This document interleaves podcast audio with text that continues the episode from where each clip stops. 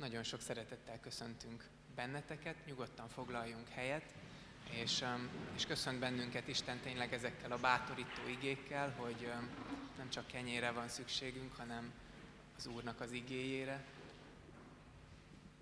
az Úrnak az igéjére is, és hát azért vagyunk itt, hogy ezt hallgassuk. Sőt, a mai alkalmon nem csak, hogy az igét fogjuk hallgatni, hanem hogy a, az ige is az igéről fog szólni mert hogy a mai nappal egy két alkalmas sorozatba lépünk, ami a Bibliáról fog szólni, hogy hogyan dicsőíthetjük, hogyan dicsőíti Istent egyrészt a Biblia, és hogyan dicsőíthetjük Istent a, a Biblia olvasásunk által.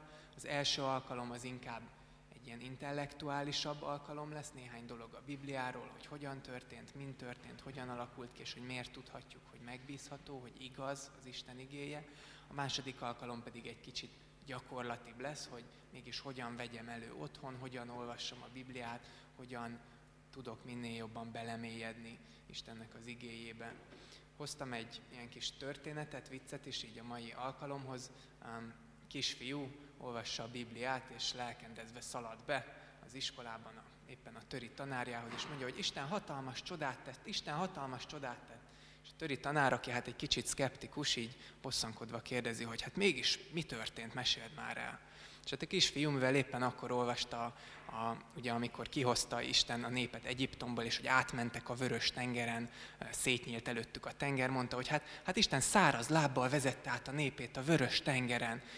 És hát a történelem tanár meg így mondja, hogy de hát kisfiam, hát a vörös tenger az egy egy méter mély kis, kis ilyen láb, hát ebben nincsen semmi csoda kisfiú kicsit elszomorodik, elgondolkodik, aztán újra földelül az arca, és elkezdi kiabálni, hogy Isten hatalmas csodát tett, Isten hatalmas csodát tett. Történelem tanár bosszankodva kérdezi, de hát miért? Mondd már, mi történt? Miért kell ennek ennyire örülni? Hát mert a, abban az egyméteres vízben, amiben az izraeliek átmentek, az egyiptomiak meg belefulladtak. És ez a történet egy kicsit a mai témánkba visz bele, hogy hogyan gondolkodunk a Bibliáról, talán sokan így, és sokan vagyunk, akik mi is így gondolkodunk, hogy hát olyan furcsa, régen volt, olyan csodás dolgok vannak, el lehet-e ezt hinni, igaza van-e Istennek? Ezzel a felvezető történettel szerettem volna megadni az ívét, amiről majd az ige hirdetés fog szólni, de most előtte dicsőítsük Istent énekekkel, és még azelőtt szokásunkhoz híven, amíg a zenészek is kijönnek, felállnak, köszöntsük egymást, mondjunk egymásnak egy Isten hozottat a mellettünk lévőket egy, egy néhány percben. thank you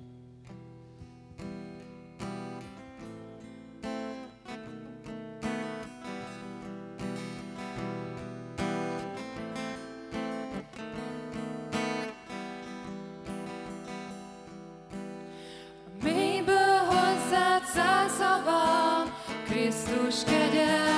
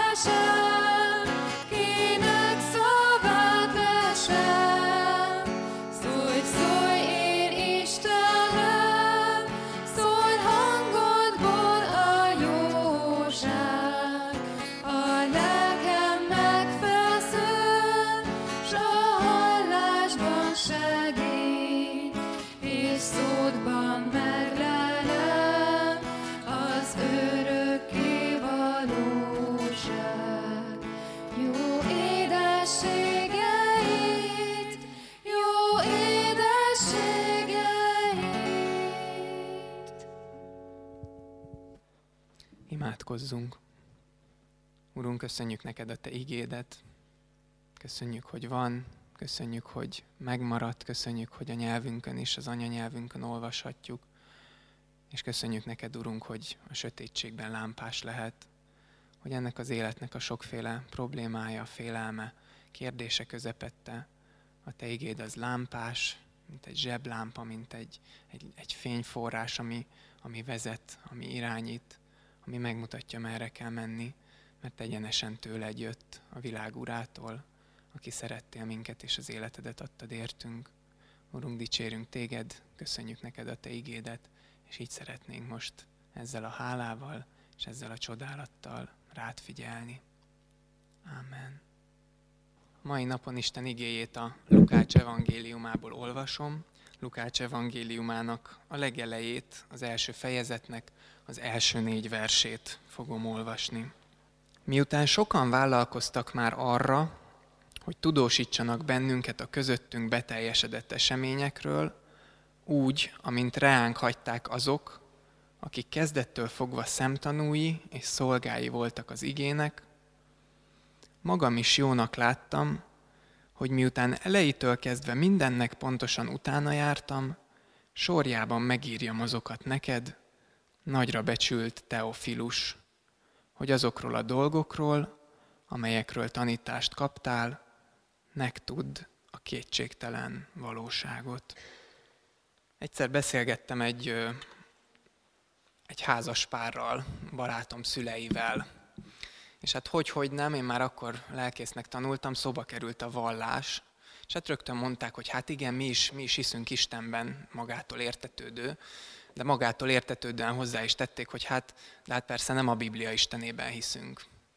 Úgyhogy kérdeztem tőlük, hogy és miért nem? Mi, miért nem a Biblia Istenében? Vagy miért ilyen biztosak ebben, hogy hisznek Istenben, de nem a Bibliájában?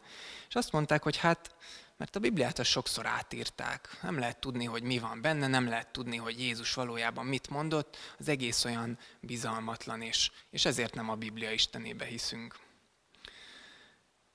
Ez a ma népszerű feltételezés, amit ez a házas pár is megosztott velem, um, egy nagyon um, híres kifejeződést nyert egy regényben, e, és ez a regény film is készült belőle, lehet, hogy többen láttátok is, ez a Da Vinci Code Dan Brownnak a tollából. Ugye ez a regény, vagy film és vagy film arról szól, hogy van egy amerikai professzor, meg egy francia um, nyomozó, és ugye ők összeállnak, és egy gyilkosság kapcsán elkezdenek felgöngyölíteni egy évezredes titkot, aminek a végén az derül ki, hogy hát Jézus valójában nem is azt tette, mint ami le van írva a Bibliában, hanem házasságra lépett Mária Magdolnával, gyermekei lettek, és boldogan élt, a leszármazottai ma is köztünk élnek. És ezt persze a katolikus egyház az eltitkolta, meghamisította, és évezredeken keresztül csak ilyen titkos társaságokban maradt fönn ez az információ, amit most ez a két szemfüles ember föl tud fedezni. Én láttam a filmet, a könyvet nem olvastam, azt gondolom, hogy mivel ez egy nagy sikerű könyv, szerintem biztos, hogy hogy jó, a film is tetszett, élvezetes, és, és nincs semmi bajom azzal, hogyha valaki szabadjára engedi a fantáziáját, és ír ilyen dolgokat. A bajom az annál inkább azzal van, ahogyan kezdi Dan Brown a regényét, mert hogy rögtön a első oldalakon a fejezet beosztás meg a köszönetek után azt írja, ezt a két sort, hogy minden, ami ebben a könyvben le van írva, az a valóságot tükrözi. Vagyis ő nem csak egy regény, nem csak egy történelmi fikciót akar írni, hanem azt akarja mondani, hogy mindez, amit leír, ez valójában a kutatás eredménye. És azt gondolom, hogy részben ennek a könyvnek is biztos, hogy nem csak, de ennek a könyvnek is köszönhető, hogy él bennünk, talán, talán bennünk is, akik hiszünk Istenben, egyfajta ilyen gyanakvás, hogy de lehet, hogy a, hogy a Biblia nem is igaz, lehet, hogy, hogy valami máshogy történt, hogy valamit átírtak volna. És időről időre meg is jelenik egy-egy ilyen írás, pár éve volt legutóbb ez, amikor fel is fedeztek egy ilyen töredéket, egy régi töredéket, ami szintén ezt írja, hogy Jézusnak valójában felesége volt, és hát ezt a magyar sajtó is, főleg a bulvárlapok ugye ilyen hatalmas szenzációként lehozzák.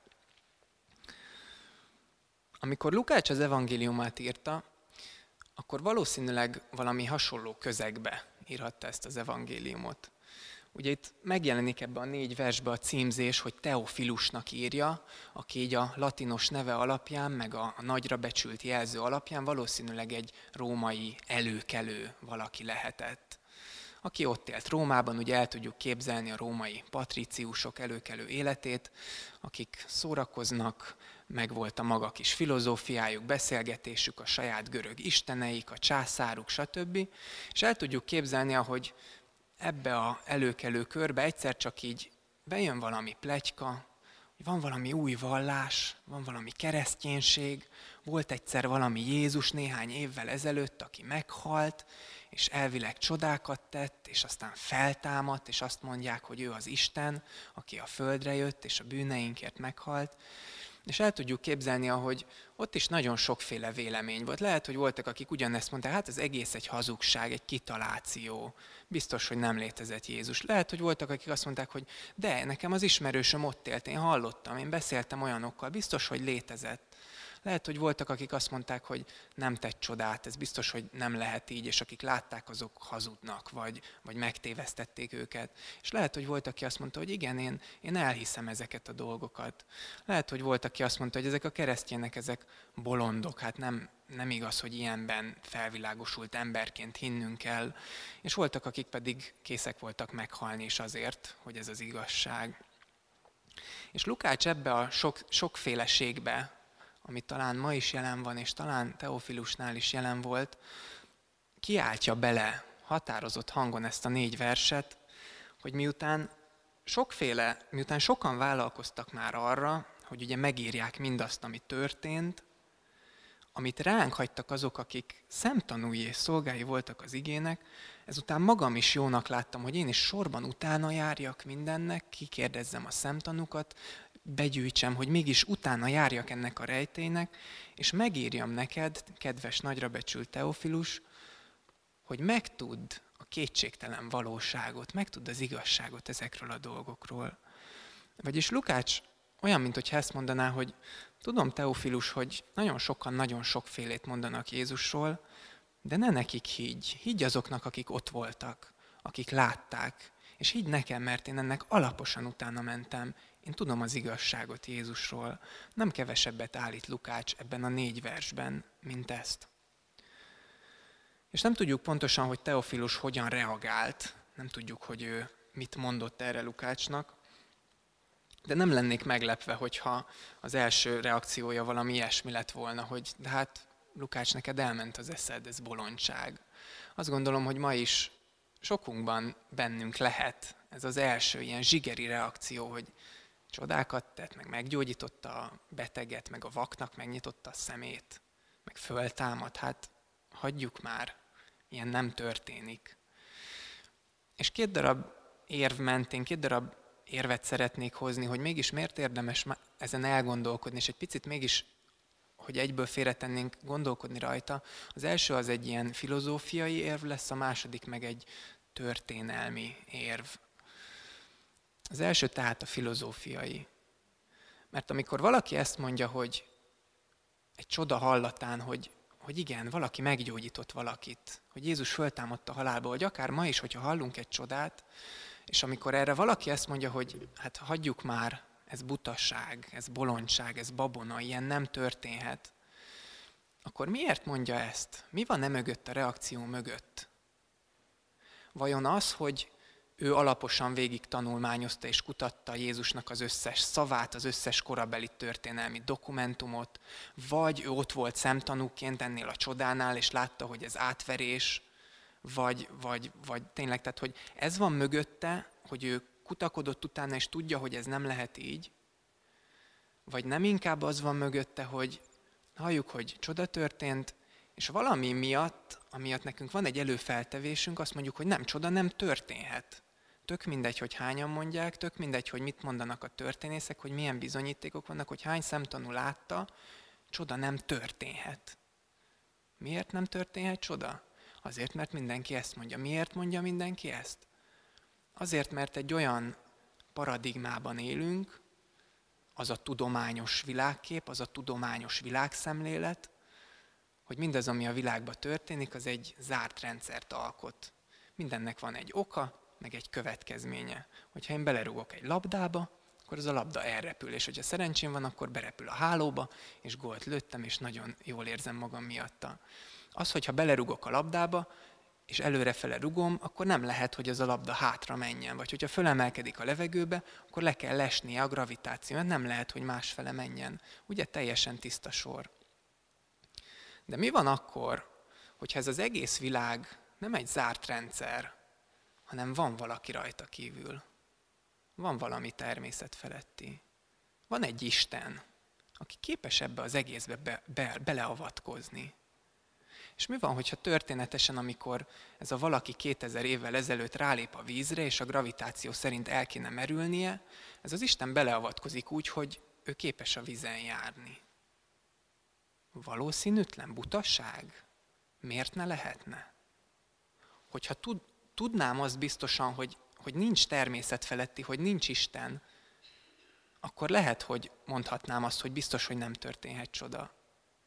De ki tudja azt bebizonyítani, hogy nincs Isten? Ki tudja azt mondani, hogy én tudom, hogy nincs Isten, biztos vagyok benne, tudom, mert, mert láttam, hogy nincs, mert körbejártam mindent, és tudom, hogy nincs. Nem tudunk ilyet mondani, senki nem mond ilyet. Ha viszont nem mondunk ilyet, akkor egy elhamarkodott kifejezés az, hogy csodák nincsenek, ez nem történhetett meg. Miért ne történhetne meg? Vizsgáljuk meg, nézzük meg. Lehet, hogy valószínűtlen, lehet, hogy meglepő, az első apostolok szintén meglepődtek, amikor Jézus csodákat tett. Volt olyan apostol, aki hitetlenkedett. Ilyen nem lehet. És mégis igaz volt.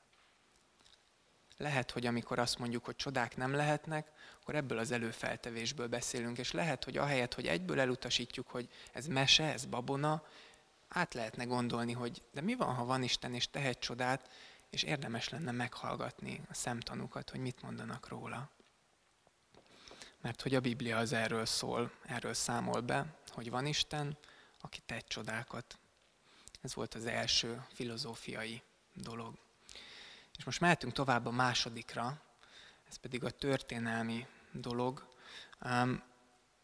mert hogy ugye a másik kifogás az ez szokott lenni, hogy hát azt átírták, hát azt meghamisították, megmondta a Dan Brown is, meg különben is szeretjük az összeesküvés elméleteket, és valójában az egyház eltitkolja az igazságot évszázadokkal később politikai nyomásra, akár jó hiszeműségből, akár szándékos megtévesztés céljából. Ezzel szemben hadd vázoljak most föl egy történelmi rekonstrukciót, hogy, hogy hogyan is alakulhatott ki ez a Biblia úgy igazából. És ehhez próbáljunk meg most felidézni egy néhány múltbeli eseményt. Próbáljuk meg felidézni például az elmúlt őszi év gólya avatóját, vagy évnyitóját, amin ott voltunk. Próbáljuk meg elénk idézni az eseményt, vagy hogy mik történtek, hogy hogyan éltük ezt meg. De mehetünk vissza, mehetünk mondjuk vissza most áprilisba, elénk idézhetjük a, a választásokat. Ugye mindjárt emlékszünk rá, hogy voltak választások, és hogy milyen indulatok voltak mindenhol, a hírekben, talán bennünk is. Mehetünk még visszább. Emlékszünk, amikor kijutottunk a VB-re. Hogy, a, hogy az egész Magyarország hogy ünnepelt együtt. Tele volt a Margit sziget, nem lehetett bejutni. Nekem ez az emlékem róla. Mehetünk még visszább. 2013-ban emlékszünk arra, amikor volt egy nagy márciusi hóesés, március 15-én és elakadtak az autók, mert mindenki úgy indult el, hogy biztos, hogy nem lehet hóesés március 15-én. Vagy mehetünk még vissza, 2004-ben volt egy nagy cunami áradat, amiben több százezren meghaltak. Talán erre is emlékszünk, hiszen éltünk akkor. Vagy 2001-ben, amikor a terrortámadás történt a World Trade Center ellen. Most 18 évet mentünk vissza, és mégis azt gondolom, hogy ezekről az eseményekről a legtöbbünknek van emléke, és hogyha azt kérném, hogy most egy néhányan írjunk le pár sort erről, és összehasonlítanánk ezeket a leírásokat, akkor nagyjából egyeznének. Biztos, hogy nem lennének ugyanolyanok. Az gyanús lenne, nem, hogyha szóról szóra ugyanazt írná mindenki. De a lényegében, hogy mi történt, megegyeznének. És lehet, hogy van, aki egyik részletre emlékezne, lehet van, aki a másik részletre emlékezne. Lehet, hogy van, aki, akinek személyes érintettsége volt, sokkal élénkebben emlékezne rá, lehet, akit mondjuk annyira nem érdekel a politika vagy a foci, ő egy kicsit kevésbé élénken emlékezne rá. De a lényeg, hogy 18 évvel ezelőtt történt eseményeket azt hiszem, hogy jól össze lehetne tenni.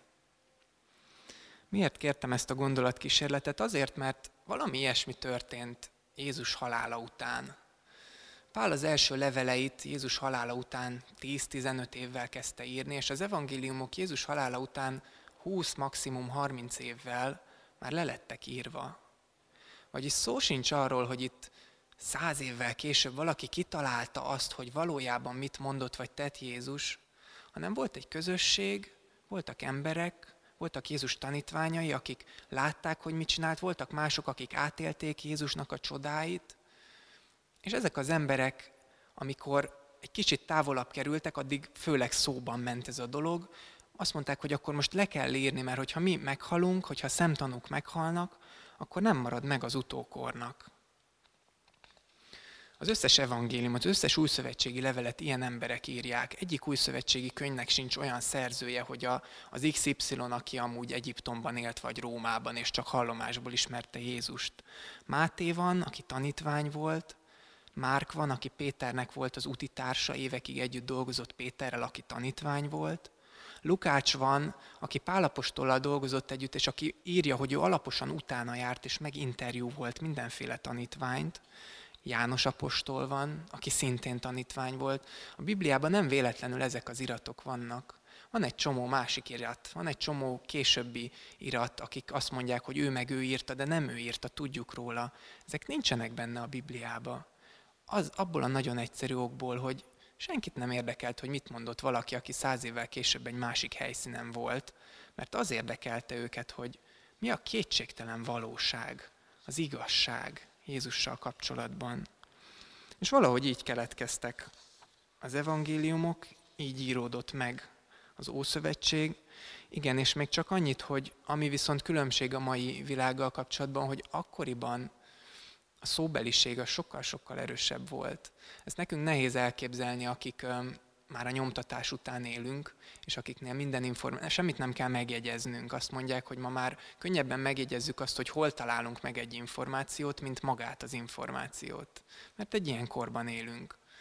Akkor, amikor nem volt nyomtatás, az emberek emlékezete sokkal-sokkal erősebb volt. Korabeli iratok arról számolnak be, voltak rabbik, akik arról voltak híresek, hogy az egész Ószövetséget kívülről tudták az egész Ószövetséget kívülről tudták. Most képzeljük el, hogy vajon ilyen embereknek nehézség lett volna megjegyezni akár az egyik evangéliumot, vagy akár több evangéliumot, és mondjuk húsz év múlva leírni.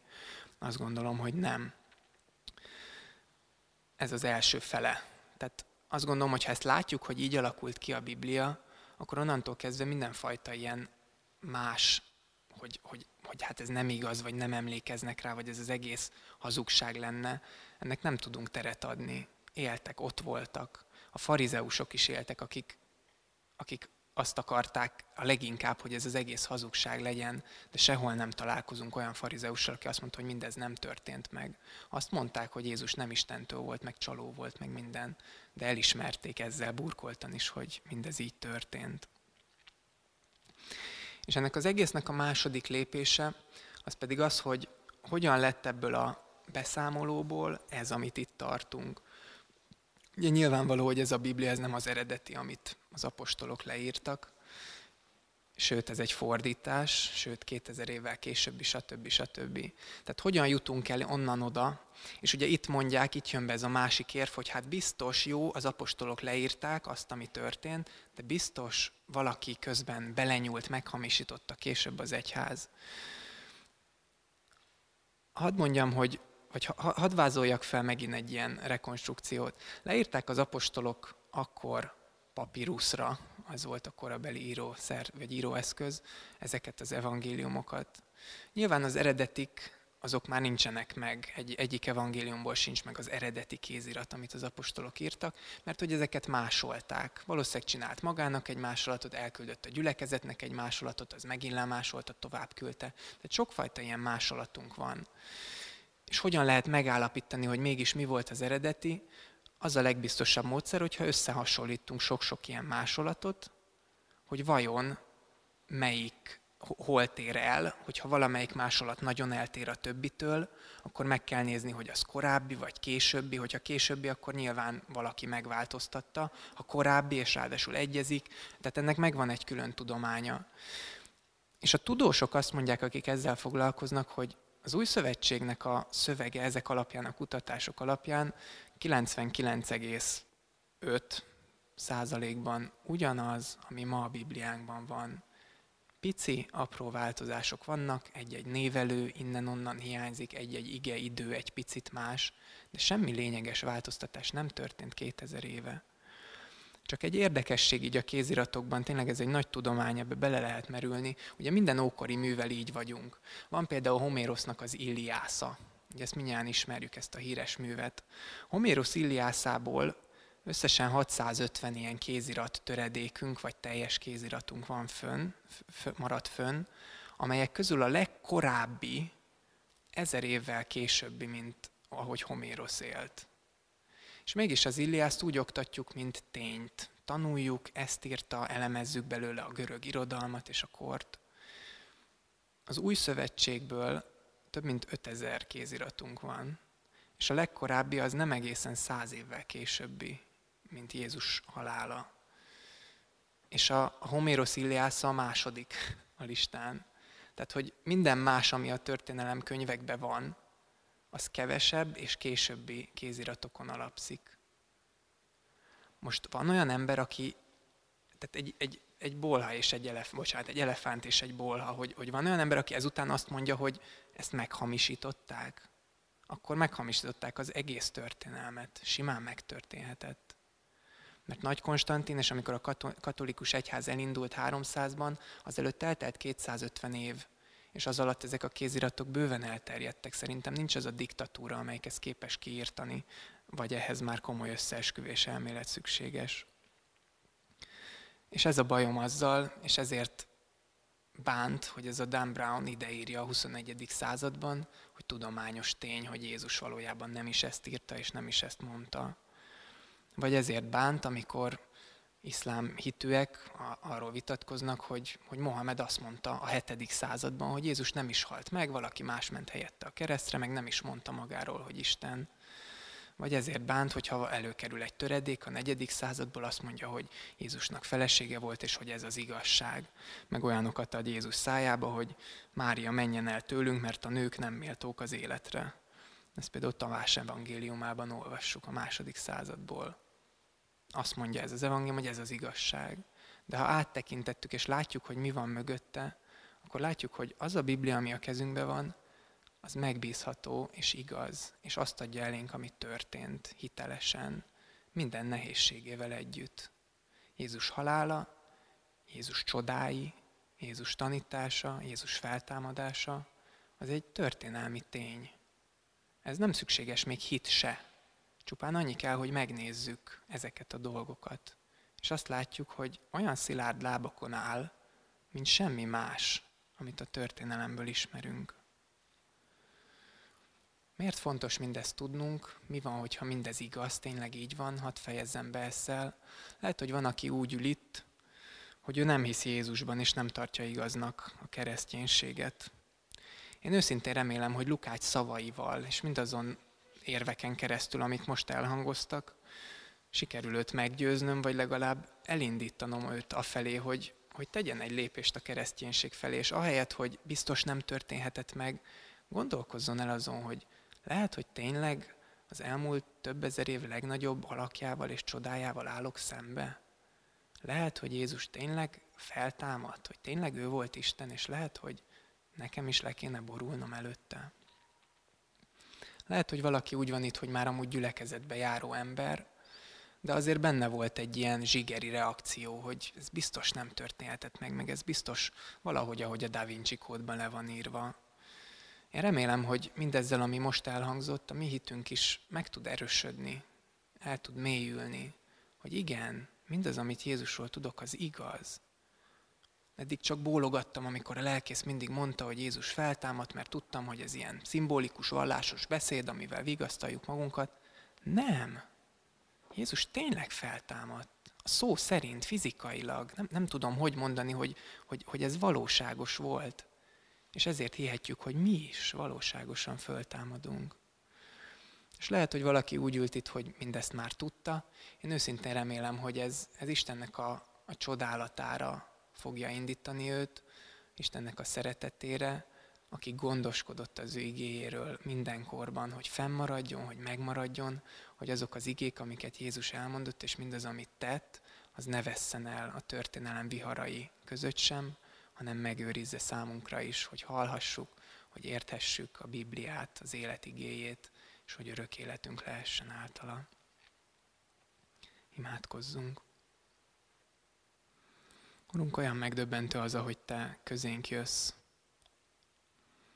Nem a mennyből nyilatkoztatod ki magad, hanem eljössz közénk erre a földre. Hogy alkalmazkodsz hozzánk, a mi testünket veszed magadra, és hogy beszállsz a történelmünkbe. Hogy te nem úgy szólsz, hogy, hogy mennyei kinyilatkoztatásokat adsz, és akinek nincs ilyen, az nem hihet, hanem te egyszerűen idejössz a térbe és az időbe közénk, köztünk élsz, tanítasz minket, és aztán az életedet adod értünk, és aztán feltámadsz, és, és elindítod az útjára a tanítványokat, hogy beszéljenek rólad, és adják tovább.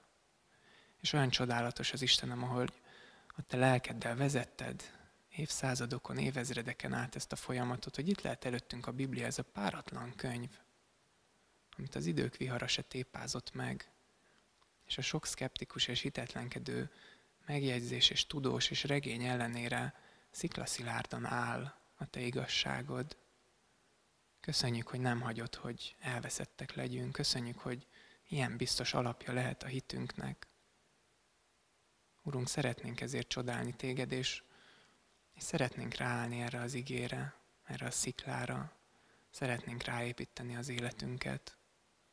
Nem fér hozzá kétség, hogy te Isten fia voltál, Jézus, és nem fér hozzá kétség, hogy te a bűneinkért haltál meg.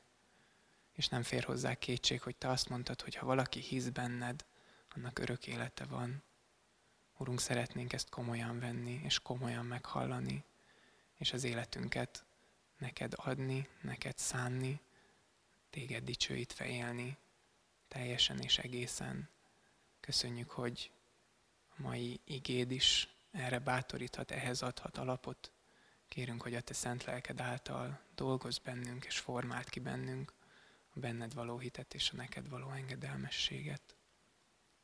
Ámen.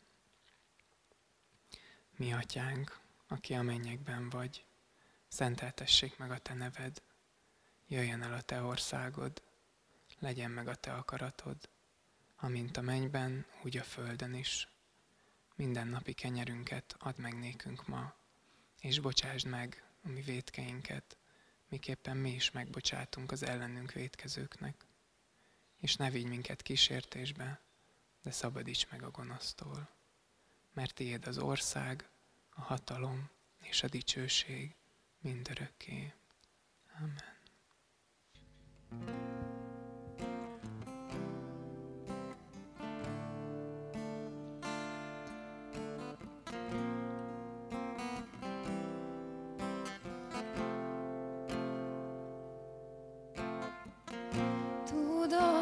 most új élet vár. Bármit is tettél, ő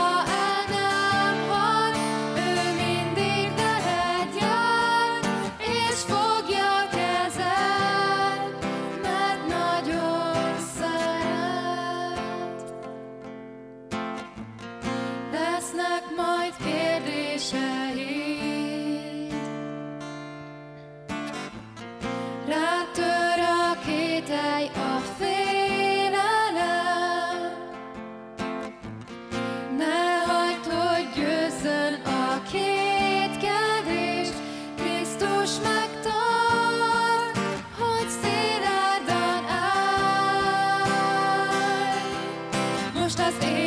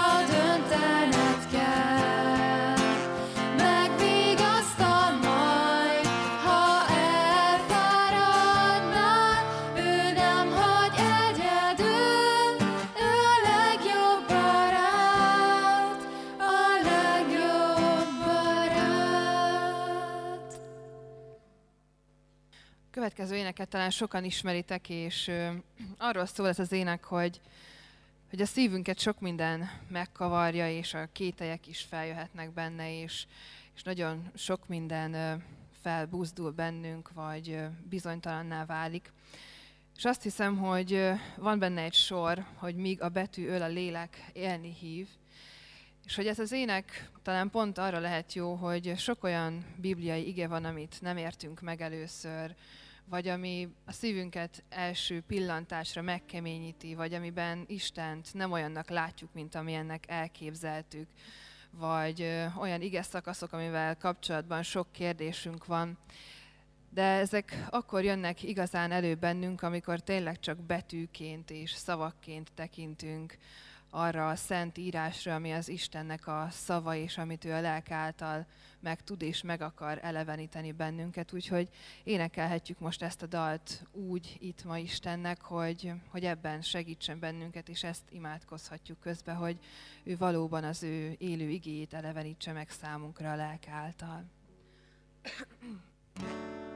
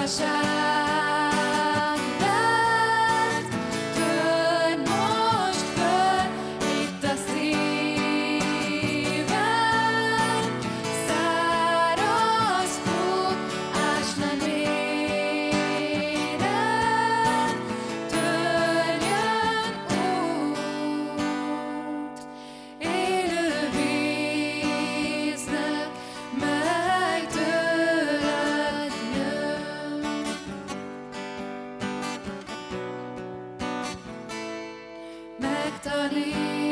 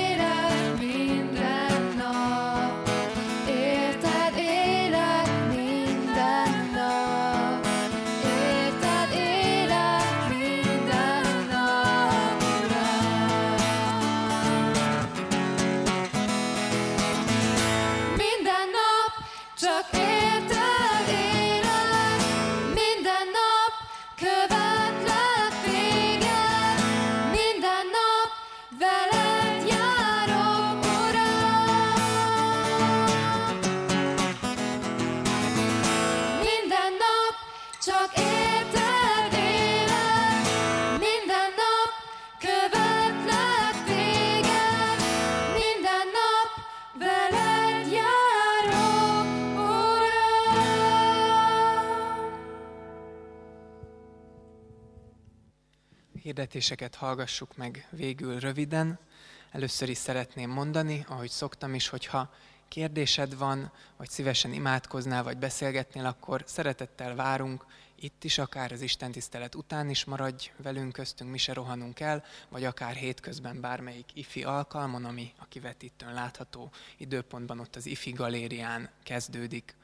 A közeljövő híreit mondom, február 9-én egy pingpong bajnokságot szervezünk, van egy új pingpongasztal az IFI galérián. Hogyha szeretsz pingpongozni, nem kell, hogy tudj, ez nem egy profi bajnokság nevezési díjjal, meg nyereménnyel, lesz nyeremény, de azért ne számítsunk a nagyon nagy dolgokra, de hogy gyere el egy jót pingpongozni egy jó közösségbe, hogyha lesz még erőnk, ugye háromkor kezdődik, akkor hat, hatig tart, de akkor még esetleg nézhetünk egy filmet, vagy maradhatunk társasozni, ez egy ilyen ifi szombati nap lesz. Illetve február 22-24 a Refis Református Fiatalok Szövetségének az országos téli tali, téli találkozójának az időpontja, ez Debrecenben lesz, és az IFI-vel ide is szeretnénk közösen menni. Ez egy olyan hétvége, ahol az ország minden pontjáról érkező ifisekkel találkozhatsz, és lehetünk együtt egy-egy előadás, egy-egy dicsőítés, egy-egy beszélgetés, egy-egy sport, egy-egy társas, egy-egy teaház, és a többi erejéig. Ezek a Refis hétvégék remek alkalmak arra, hogy Istenhez egy kicsit először vagy újra, de nagyon közel kerülhessünk, így hívunk szeretettel erre is mindenkit illetve lassan elkészül, nem tudom, hogy elkészülte már egy füzet összeállítás a gyülekezet nyári táborairól, hogyha nem elkészült már, és a kiáratoknál már lehet is ilyet elvenni, ha nem, akkor jövő héten szerintem már mindenképp lehet. Ebbe benne van a gyülekezetünk összes, az ifjúságot is beleértve, tábora, kirándulása, el lehet ezt vinni haza, és akkor lehet belőle mazsolázgatni, hogy én mely közösségbe megyek, mikor érek rá, mi is szeretettel várunk minden ifis táborba. Ezek követhetők egyébként a Facebookon is, meg fönn van a crack.hu honlapon is az ige hirdetésekkel és a énekek, a jobban sikerült énekekkel együtt, szóval a weblapot is érdemes nézni és ajánlani. Fennállva vegyük Isten áldását, és menjünk így tovább vasárnapunkban. Mindezek pedig azért irattak meg, hogy higgyétek, Jézus Krisztus az Isten fia, és hogy ebben a hitben életetek legyen az ő nevében. Ámen. Áldás békesség Isten áldjon mindenkit.